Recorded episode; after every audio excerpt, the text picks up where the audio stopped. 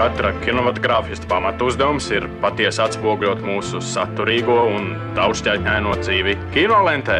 Izceļot tipisko un izlaižot mazsvarīgo, akcentējot panākumus un nenoklusējot dažkārt sastopamus trūkumus. Balansējiet, nu godājiet vēseli inženieri starp pienākumu un varēšanu. Pie jūras klimats par kino. Labdien, mīļie radio klausītāji! Oktobrī kino pasaulē lielu ažiotāžu izraisīja leģendārā kino režisora Mārtiņa Skorsēzes izteikuma intervijā žurnālam Esquire. Runājot par savu jaunāko filmu īrs, Skorsēzes pievērsās arī jautājumam par komiksu ekranizāciju popularitāti, nokritizējot tieši Marvel universu filmas un pat paziņojot, ka tas nav kino. Līdzīgu viedokli pauda arī Francis Fords Coppola, kurš šīs filmas pat nosauc par nicināmām. Šie izteikumi izraisīja plašas diskusijas, kurās iesaistījās arī Marvel filmu režisori, aktieri un, protams, kaismīgie komiksu filmu fani. Pēc kāda laika Mārtiņš Korsēs žurnālā The New York Times publicēja garu viedokļu rakstu, lai paskaidrotu savu pozīciju un lielākoties uzsvēra to, ka franšīžu kino ir kino bez riska. Tas ir filmas, kurām ir garantēts fanu pulks un milzīgi ienākumi, taču radošā riska un eksperimentu tur esot maz. Tāpat laikā viens no pēdējiem lielākajiem kino pārsteigumiem ir tieši DC komiks universā balstītā Toda Philipsa filma Jokers kura saņēma zelta palmas zaru Venecijas kinofestivālā un ir kļuvusi par vienu no ienesīgākajām komiksu filmām. Un tieši Mārtiņš Korsēzes filmas Taksists un komēdijas karalis ir viens no galvenajiem iedvesmas avotiem Joker gadījumā. Tāpēc šodien raidījumā runāsim par to, kā komiksu filmas un Marvel universa milzīgā popularitāte ir izmainījusi kino, kā arī par to, ko tieši nozīmē riskēšana kino kontekstā. Studijā viesojas kino kults un spektrs veidotāji un kino izplatītāji Sergejs Timoņins un Sergejs Musatovs. Labdien! Sveiki! Labdien! Un komiksu kino fani vajag piebilst arī. Un Skorsēzi filmu fani. Skorsēzi filmu fani, jā. Jā, tātad mēs esam pa, jau uzreiz paši krustugurnīs. Kino kults bieži organizē dažādas īpašas pirmizrādes, kurās tiek rādīts arī jau minētās komiksu ekranizācijas. Uh -oh. Kāda ir jūsu pašu attieksme pret komiksu filmām? Jūs jau minējāt, ka esat fani. Mūsu attieksme, teikšu tā, problēma mūsu attieksme pret komiksu filmu ir ārkārtīgi pozitīva, tāpēc, ka mūsu attieksme pret kino kopumā ir ārkārtīgi pozitīva, un uh, mēs mēģinām vienmēr atrast labāko visu veidu filmās. Un līdz ar to es tā baigi neizšķirtu, kad uh, mums patīk vairāk komiksu filmas nekā varbūt citas kino. Svarīgi man liekas arī nodalīt, ko Skarsēsi kritizēja, jo arī New York Times eh, viņš arī paskaidro, ka tur ir divi posmi, un pirmais ir eh, par filmām pašām. Un, uh, tur viņš vienkārši pasaka, ka tas ir subjektīvs viedoklis, un viņš izauga citā laikā, un, un līdz ar to viņam patīk citāds kino. Un, uh, ja viņš izaugtu tagad, varbūt viņam uh, komiksu filmas patiktu vairāk. Tāpat kā mums patīk komiksu filmas arī. Uh, bet otrs posms savukārt par to, ka tās filmas pārņem kinoteātrus un multipleksus, neļaujot citām tādām riskantākām, eksperimentālām, neatkarīgām filmām arī piekļūt pie skatītāja. Un tā savukārt ir tā, man liekas, viņa sāpe, kāpēc arī nu, viņš tikko izveidoja Irishman, un tas iznāca Netflixā, un Netflix to sponsorēja, tāpēc, ka Netflix bija gatavs riskēt ar savu naudu uz uh, Skarsēsi vīziju. Un varbūt, ka tieši studija to nespēja darīt, vai negribēja, to, negribēja to darīt. Atteicās. Skaidrs arī, kad filma iznāktu kinoteātros, arī nu, nebūtu tāds uh, blockbuster rezultāts kā Joker. Kur režisoram, starp citu, arī komiksu filmas ļoti publiski nepārāk patīk. Tāds cilvēks redzēs, ka viņš neskatās, piemēram, atriebēs, viņam tas neinteresē. Un uh, pēc Jokera man liekas, to ļoti var redzēt, ka viņam tas tā kā patiešām neinteresē. Viņam Un- interesē un citas viņi- lietas. Jā, un viņi pat meklēja kaut kādu brīdi. Viņi ļoti gribēja, lai uh, Skarsēsi producēja Jokeru. Tāpēc, ka viņi gribēja to autentisko Ņujorkas sajūtu un, un, un prasīja viņam, lai viņš arī piedalās. Un es domāju, ka žēl, ka Skarsēsi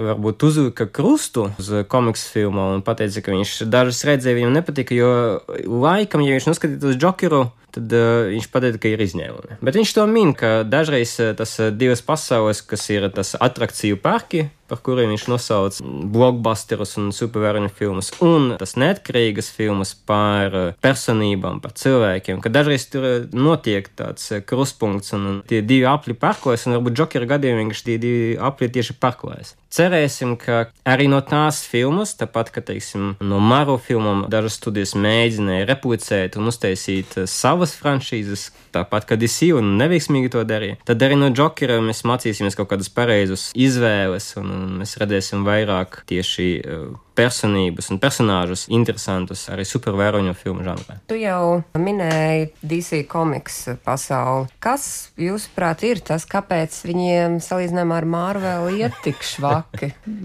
Autori nav producenti, jā, tā ziņā, ka tur nav galvgalī ļoti spēcīgi cilvēks, kas vienkārši noteiktu, kas tur ir komiteja. Pie tam kopš ir iznākušas DC filmas, manuprāt, kad studijas Warner Brothers valdība nomainījusies ir trīs reizes, ja pareizi atceros. Katrs caur šiem cilvēkiem kaut ko savu, kaut kādas idejas, un viņiem ir mainījušies producenti un vienkārši. Mainījās režisori, un, un tas viss notiek tik ļoti ātri, jo viņam vajadzēja, kā Marvel tūlīt aizies priekšā, un uh, cilvēki spēs tikai Marvel filmas skatīties un neskatīties mūsu, tāpēc mums vajag savākt ļoti, ļoti ātri komandu, un viss tā ātrumā, nu, tāds arī rezultāts, ka vienkārši neizdevās. Atceroties, piemēram, Kristofera Nolana trīs Batman filmas, desmit gadu laikā viņas ir stilistiski absolūti vesels. Tas tā kā līdz ar ko tur ir viens cilvēks, kurš nosaka toni, bet skaidrs, ka tas nav viens cilvēks darbs, bet tas ir viens cilvēka, nu, kaut kādā ziņā viens cilvēka lēmumi. Bet tur jau arī DC komiks uh, Zeks Snaiders lielākoties režisors. Bet Nu, zini kā, tur uh, tas varētu būt pretrunīgi, bet vismaz, ja viņi būtu ļaujuši, sakām, Snaideram tur pabeigt, tad viņiem būtu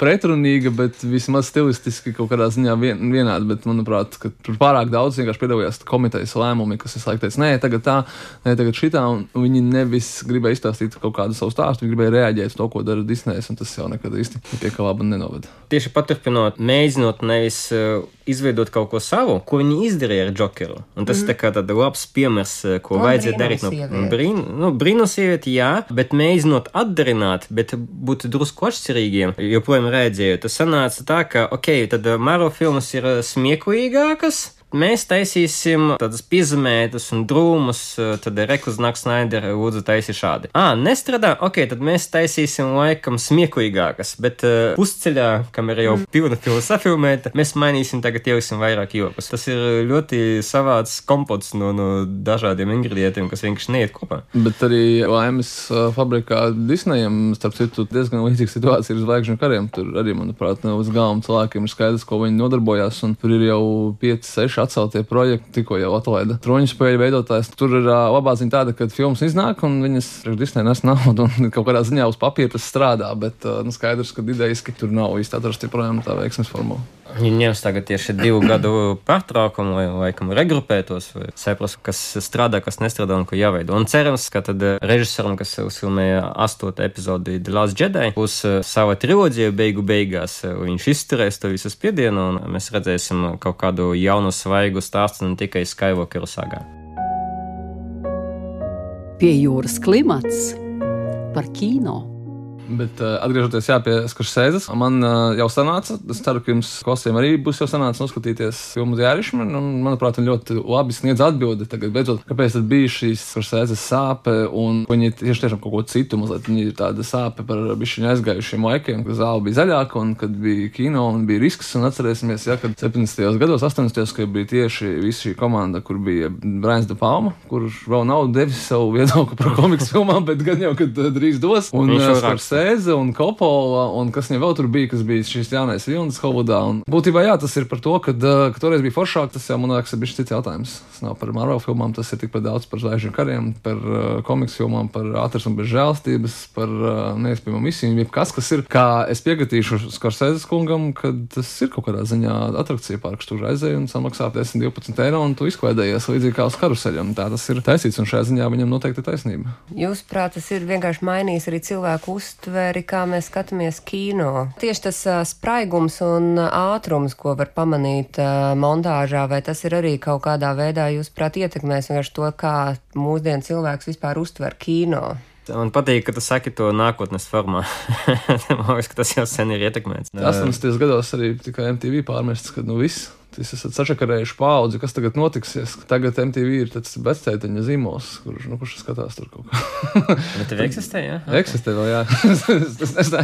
Tā grūti pateikt. No vienas puses jau it kā gribētos no malas pateikt, tā, ka, nu, re, kur viss kino vairs nav kā agrāk un tā tālāk. Man liekas, noteikti arī kaut kādi cilvēki teica, ka vējam līdzi kaut kāda melodrāma, kas tur tā kā sēž tikai lakatiem un raud. Un tā kā normāls kino varēja būt, viņš kā skaņa vajadzīga vispār normāli dzīvojām bez skaņas un visu vizuāli izteicām. Droši vien labā ziņa tāda, ka tā kino ir tik daudz, mūsdienās viņš ir ļoti dažāds. Tas, par ko mēs runājam, par ko Skarsēs kungs runāja, tas, ka ir mediju telpā un kinoteātros ir praktiski tikai izklaides kino palicis. Bet tas īstenībā ir cikliski arī kino vēsturē. Skaties, tas ir cikliski, ka brīdī, kad cilvēki grib kaut kādu maizi un izpriecas, un tad viņiem tas apnīk, un nekur iznāk jokers un nopelna miljardu. Un, un tā nav tāda baigi izklaidējoša filma. Un viņi iznāk starp vienu un otru milzīgu Marvel Mm. izklaidējošo grāveidu. Tas nav tā, ka, teiksim, beigusies ēra, kad daudz saka, un tad nu, kā kaut kāds būs beigais, beigais sabrukums, un tad būs atkal jauna paudze. kino. Nē, viņas iznāk visu laiku. Un Vincent Džokera gadījumā ir šis arī budžeta atšķirība, ka šie ienākumi patiesībā salīdzinoši ar atriebējiem šie ienākumi ir lielāki, ņemot vērā to, cik eh, daudz nelielāks ir budžets.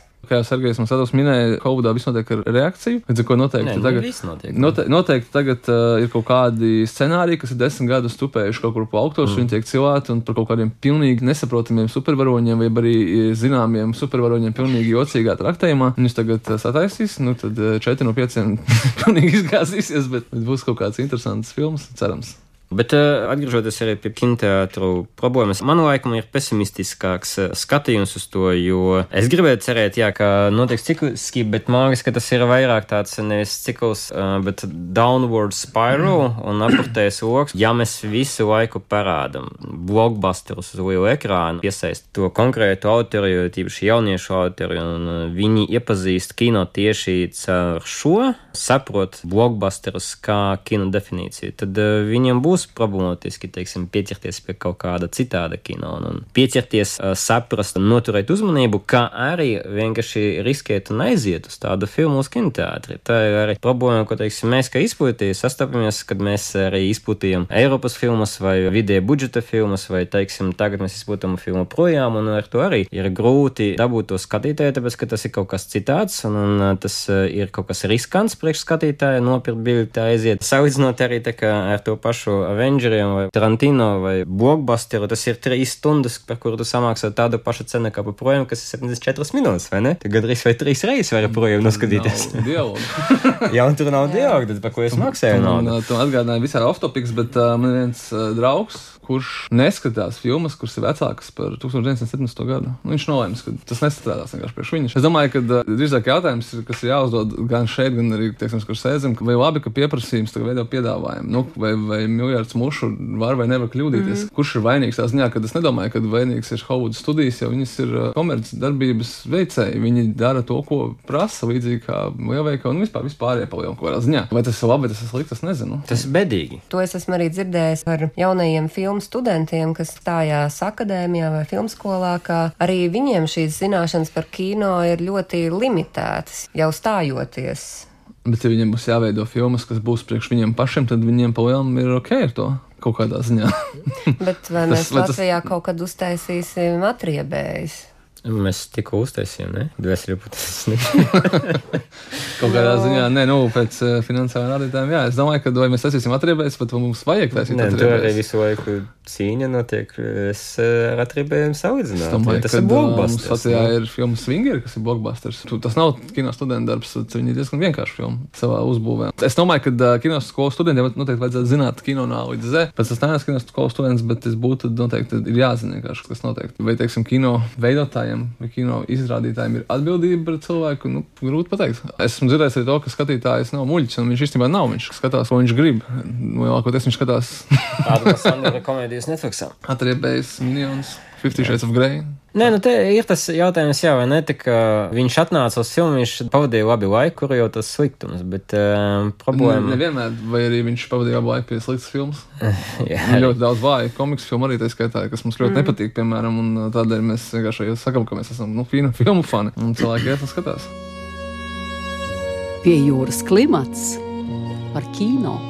Laba ziņa vienkārši, ja mēs meklējam to labu ziņu šeit, ir, ka mēs šobrīd atrodamies ļoti nestabila laikā tieši izrādīšanas formātā industrijā. Tāpēc, ka kinoteātri multipleksi tad eh, izrāda blockbusteros franšīzes, mazie kinoteātri varbūt eh, daži mirst, daži izdzīvo un rāda indiju filmas, un eh, vidēja budžeta filmas ienāk straumētāji iedot naudu tādiem autoriem, kā Martins Korsesi vai, vai Aleks Garland ar filmu Annihilation bišķiņ. Vairs nedodošu. Nu, redzēs. Viens straumētais nedos, tad cits iedos.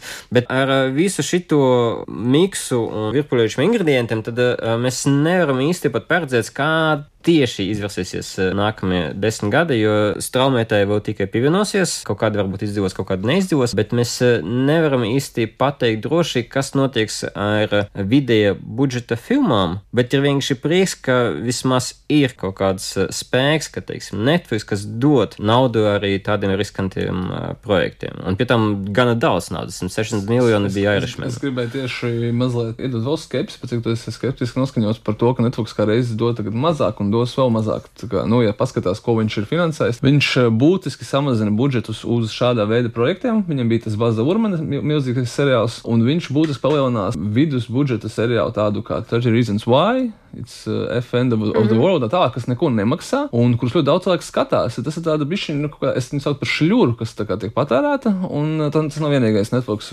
ko es, nu, šeit viņam lielākā daļa viņu seriālu ir tāda kaut kāda šļura, kas maksā ļoti lēti, nu, salīdzinoši lēti, būsim godīgi, tas tā, tie nav mazi budžeti, bet uh, tādas filmas, jā, kā Irishmans, mm, ar 150 miljonu budžetu, es nezinu, vai viņam tuvākajā nākotnē kaut kas tāds tiek plānots. Es domāju, ka viņi ir uh, palaiduši pirms trim gadiem šo in production, un sapratuši, ka paklau mums vispār tā kā naudas ir daudz, bet mums nav tik daudz, mēs varam visu šādu lietu finansēt. Un, un tas ir tā, un viņi arī bija samazinājuši būtiski, piemēram, komēdijas stand-up budžetu uz pusi, jo viņi bija pārmaksājuši visiem šiem zvaigznēm. Sapratuši, ka tas vienkārši neatmaksājās. Viņiem ir atmaksājās šie seriāli, kas ir no 3 līdz 5 sezonām, tāpēc, ka pēc tam viņi arī vairs neatmaksājās, jo sanāk maksāt lielākus honorārus. Ienāk HBO, Apple, Disneys. Uh, Disney un taisa Netflix un- tikai bu- superbudžeta seriāls par Kapteini Ameriku un Zvaigžņu kariem. uh, mans punkts ir tāds, ka mēs nezinām, kad visi spēlētāji ienāks.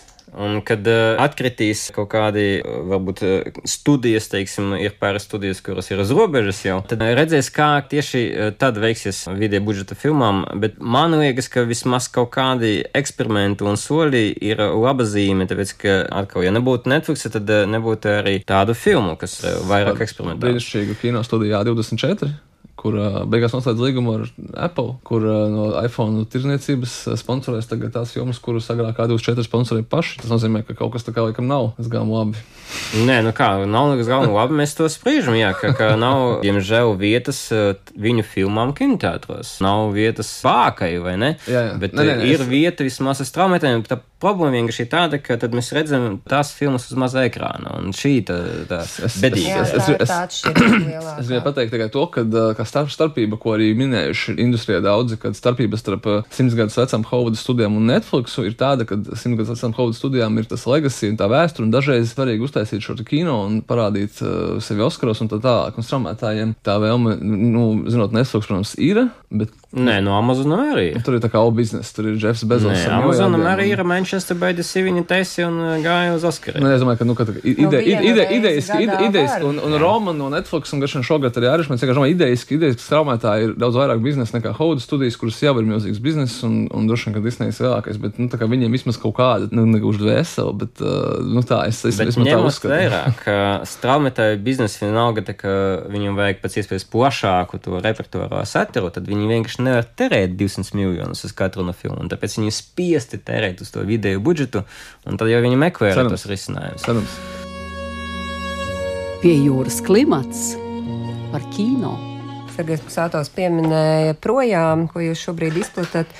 Jā, jūs izplatāt arī vietējās filmas, un kāds ir tas nu, Latvijas kino kontekstā šis riska faktors, par ko runā Skorsēze?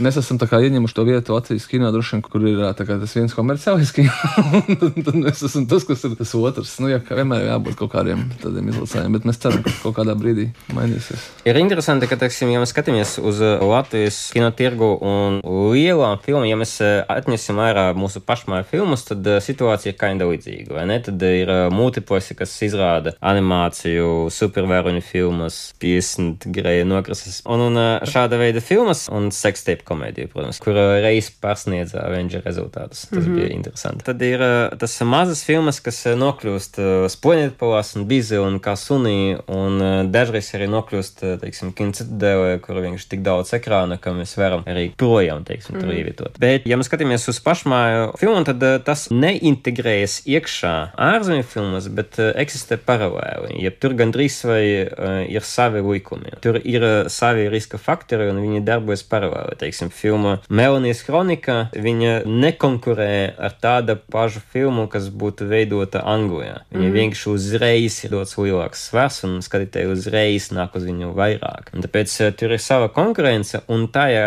pašmāja filmu klāstā, projām ir ļoti riskants projekts. Tad, uh, un savukārt, ja mēs skatāmies uz mūsu iepriekšējo projektu, kuram Marta bija piesaistīta, tā ir filma blakus, tad tā filma savukārt ir vairāk mainstream appeal, ja viņa ir vairāk iederīga pamatposmas skatītājiem. Pat ja viņi nav īsti varbūt pamatposmas. Pat ja viņi ir, ja mēs salīdzinām, teiksim, viņu pret ārzemju ekvivalentiem, tad mēs to teiktu par amerikāņu neatkarīgo dramēdiju. Bet savukārt, par cik mūsu pašmāja filmu klāsta ir dažādība gana maza, tad šīs jaunums ir kaut kas, kas piesaista skatītāju, un tad arī skatītāju apjoms bija gandrīz tikpat liels kā Melnijas kronikai. Kam?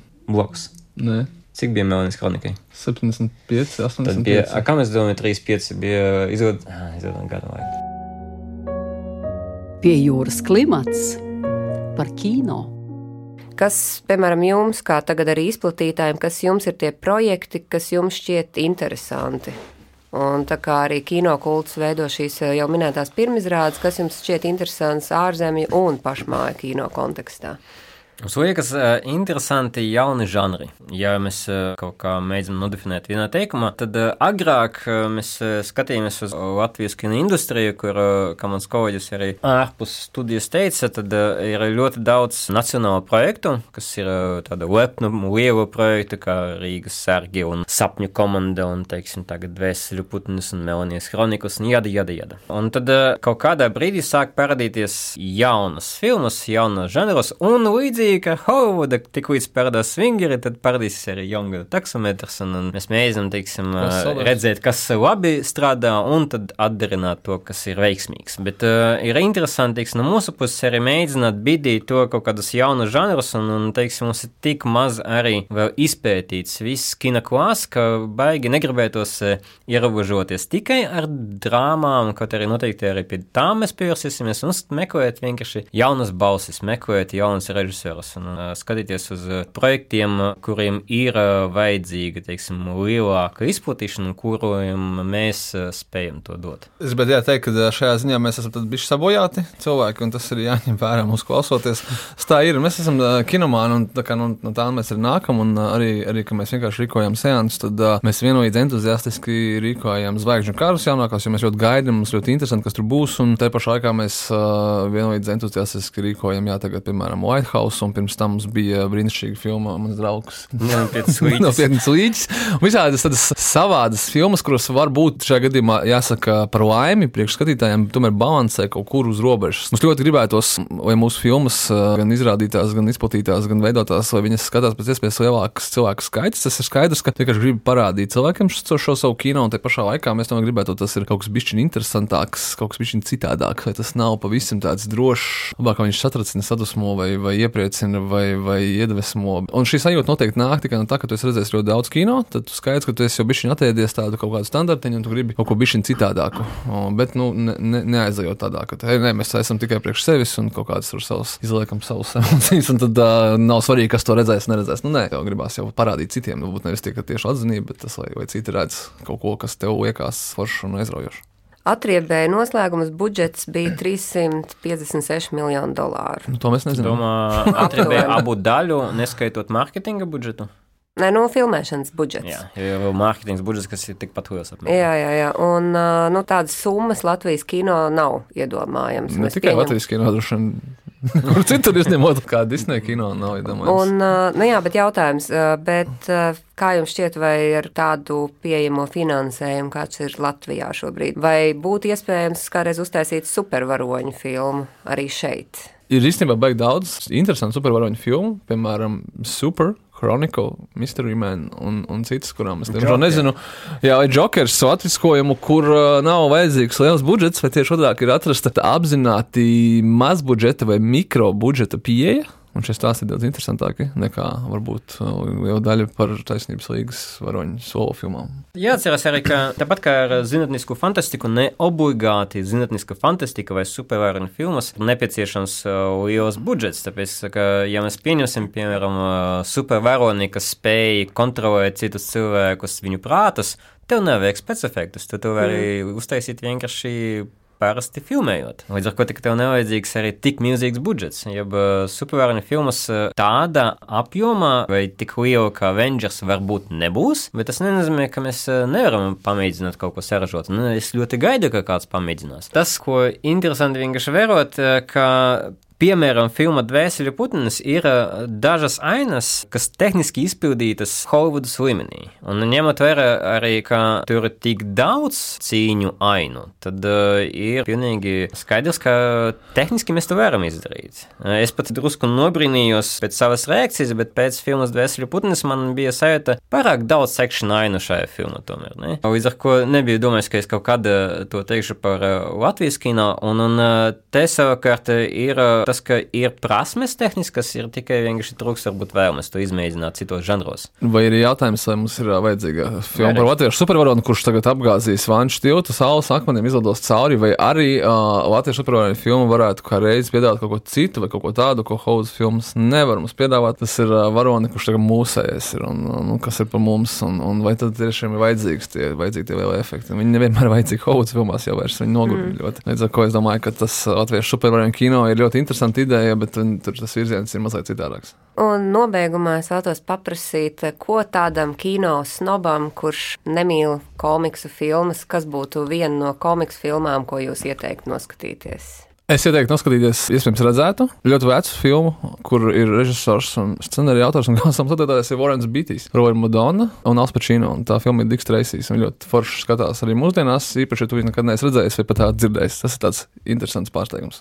Būtu interesanti ieteikt Persepolis. Kad mēs runājam par komiksiem un kad mēs runājam arī par animāciju, tad vienmēr ir prātā palicis, ka ir kaut kādi konkrēti rāmji vai formula, kas būs tajā filmā. Ja tā ir animācija, tad skaidrs, ka tas ir bērniem arī īstenībā animācija ir vienkārši formāts, nevis žanrs. Līdz ar to animācija var būt ļoti dažāda, un animācija var būt ar dokumentālu uh, filmu piegaršu, un animācija var būt pieaugušiem, tāpat kā, teiksim, filma projām. Tas pats arī ar komiksiem, ka ir uh, supervaroņu komiksi, bet ir vēl vesels klāsts ar citādiem žanriem, ar dokumentālistiku vai ar uh, neatkarīgiem komiksiem. Un, un tieši tāds, teiksim, būtu Persepolis, kur ir uh, personīgs stāsts, kur ir interesanta animācija, kur ir līdzpārcēlojums. Ja patīk tā animācijas filma, tad es uzreiz arī iesaku pēc tam aiziet un izlasīt komiksu. Jo tas būs arī tāds ļoti interesants ievads eh, tieši citāda komiksu pasaulē, nekā, teiksim, mums ir ierasts eh, par to domāt. Paldies jums liels par sarunu! Paldies!